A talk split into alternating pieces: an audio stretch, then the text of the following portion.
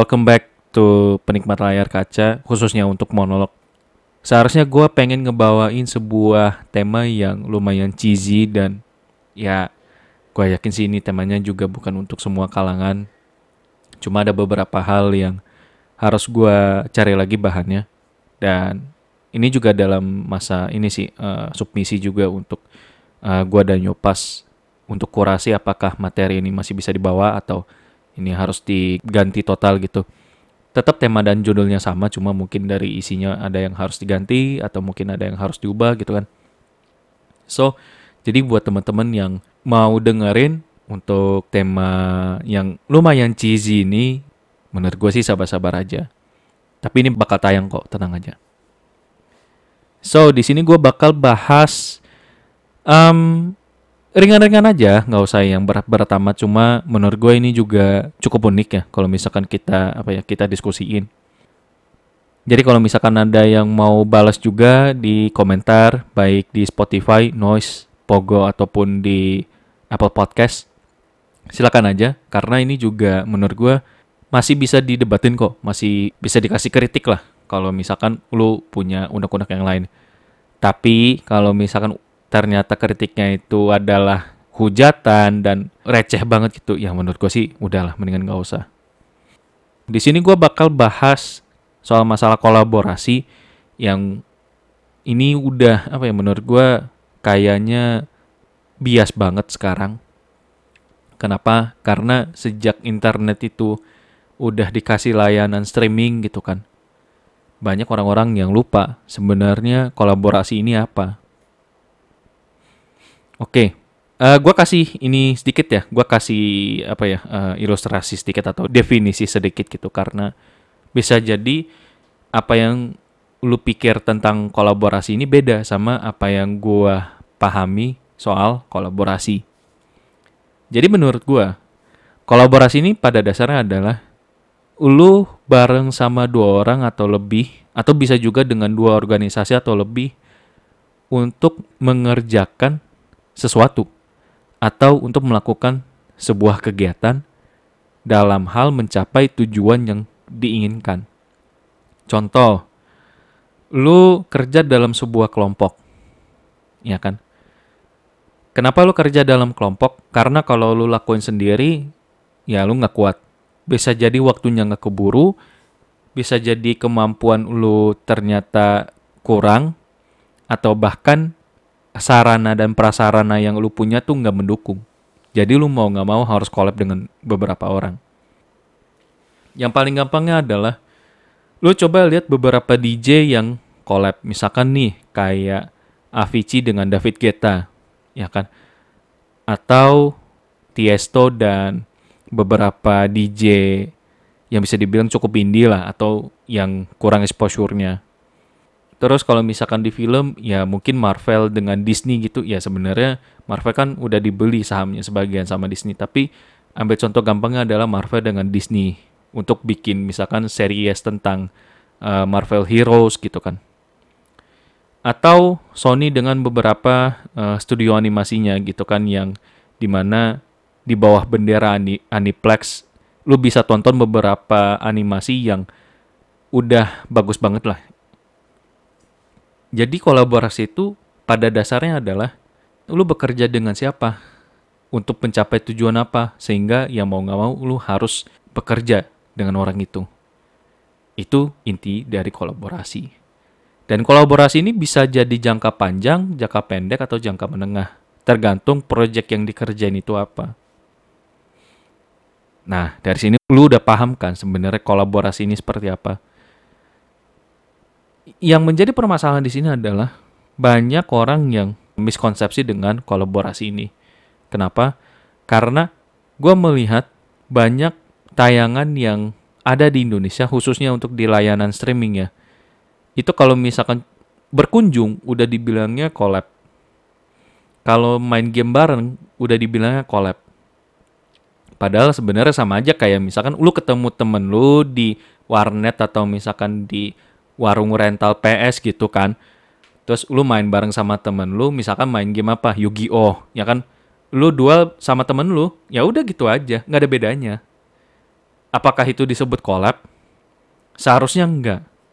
Karena menurut gue collab itu ya yang tadi gue bilang, lu ngerencanain dari awal, ya kan? Sampai lu mengevaluasi hasil akhirnya.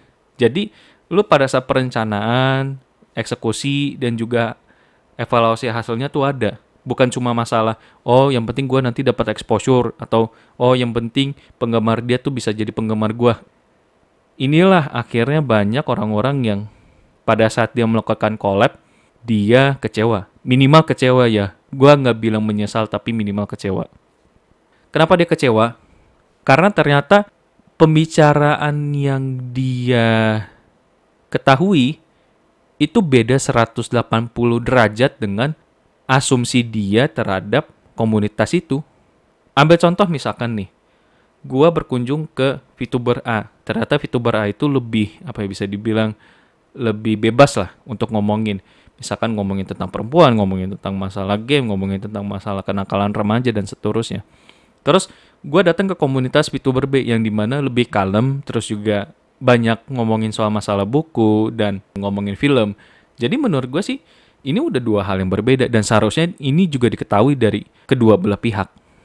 Makanya gue sangat menyayangkan kalau misalkan ada yang bilang collab itu ya lu cuma kayak main game bareng udah selesai. Atau misalkan nih free talk. Menurut gue free talk itu ya terserah sih lu kalau misalkan bilang ada dua ada apa ya ada satu atau dua orang diundang ke acara lu terus itu dibilangnya sebagai collab yang menurut gue itu bukan. Itu kayak talk show lu ngundang dua orang terus habis itu lu ajak bicara sama dia. Ya udah gitu aja. Jadi menurut gue sih ini sangat disayangkan. Karena orang tuh menganggap bahwa collab itu ya ya udah lu ketemu sama dia udah selesai gitu.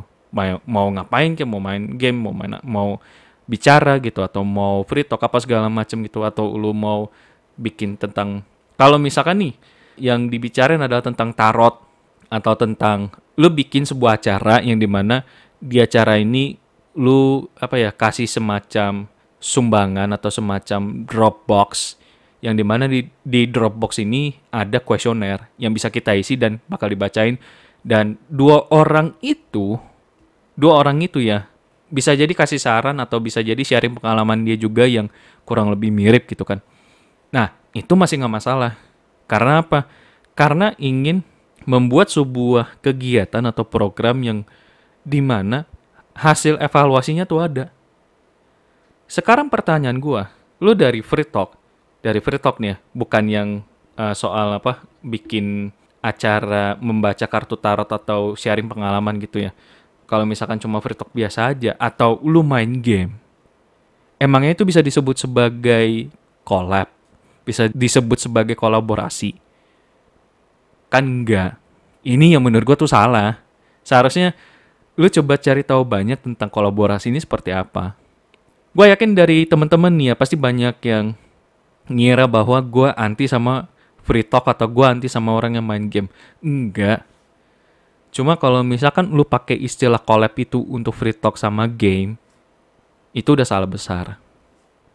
Ya memang ada kegiatannya ya memang itu juga udah lu ajak juga sama orang-orangnya. Tapi hasil akhirnya, apakah itu bisa membuat lu lebih jago? Enggak. Apakah bisa menambah exposure? Ya mungkin bisa, tapi dikit. Jadi apa? Inilah yang akhirnya membuat orang menjadi miskonsepsi tentang kolaborasi ini. Jadi kalau misalkan nih, uh, dia ada di podcast gue, terus habis itu gue anggap ini adalah collab. Enggak, gue cuma ngundang orang itu aja gitu. Atau misalkan nih gue ajak VTuber ini untuk main game bareng. Enggak itu bukan collab. Itu cuma kayak eh lu mau main game gak tapi gue ini nih gue live ini. Seperti itu. Kalau misalkan collab misalkan ya minimal sih kayak acaranya Nekoturnal yang di mana dia kasih panggung pengisi suara atau untuk voice over atau bahkan juga untuk VTuber, terus juga public figure, terus juga orang-orang yang ada di internet gitu kan. Itu baru yang namanya kolaborasi. Kenapa? Karena yang dicari itu adalah bagaimana caranya kita bisa bikin sebuah acara yang semua orang itu senang. Itu hasil akhirnya yang bisa dievaluasi. Jadi kalau misalnya acaranya kuring nih, oh ternyata kita ngundang yang ini aja biar lebih lucu gitu kan atau kayaknya butuh exposure lebih nih. Ya udah lu cari orang yang bisa apa ya bisa kasih exposure lebih. Tapi exposure lebih bukan karena namanya ya tapi karena memang dari jokesnya dia atau dari cara dia bertemu gitu kan atau bercengkerama dengan orang baru ini kan yang seharusnya dilakuin gitu loh sama beberapa konten kreator. Dan ini nggak cuma menutup ke VTuber. Ini yang seharusnya ya bagi gua bagi gua dijalankan oleh sebagian baik itu dari apa ya broadcasting di radio, TV maupun layanan streaming. Kalau TV gua yakin mereka udah tahu arti kolaborasi itu seperti apa. Karena banyak kok acara-acara yang mereka collab dengan ini, mereka collab dengan itu lumayan sukses juga. Meskipun ya sebagian besar sih karena bawa nama, bukan karena bawa misalkan kelucuan dia atau mungkin bawa keluguan dia. Tapi gue yakin kalau dari TV mereka tahu batasan-batasan mengenai kolaborasi itu seperti apa. Nah, yang dari layanan streaming nih, apalagi di YouTube, ya kan, yang bebas banget. Menurut gue sih kalau misalkan lu free talk terus nggak ada hasil akhirnya atau lu cuma main game gitu kan, itu bukan kolaborasi itu cuma kayak lu ngundang orang aja ke rumah, udah selesai. Jadi, apa nih intinya? Gua kayaknya ngedumel terus gitu kan. Intinya adalah ketika lu kolaborasi, balik lagi, cari tahu tujuannya untuk apa, dengan siapa lu bercengkerama, seperti apa penggemar dan juga diri dia, dan yang terakhir, hasil pencapaiannya itu bisa dievaluasi atau enggak. Hasil akhirnya itu bisa dievaluasi atau enggak. Kalau itu udah dapat semuanya, baru itu namanya kolaborasi. Terima kasih telah mendengarkan monolog penikmat layar kaca. Jangan lupa selalu mengikuti Noise, Spotify, Pogo, dan Apple Podcast kami. Dan sampai jumpa di lain kesempatan.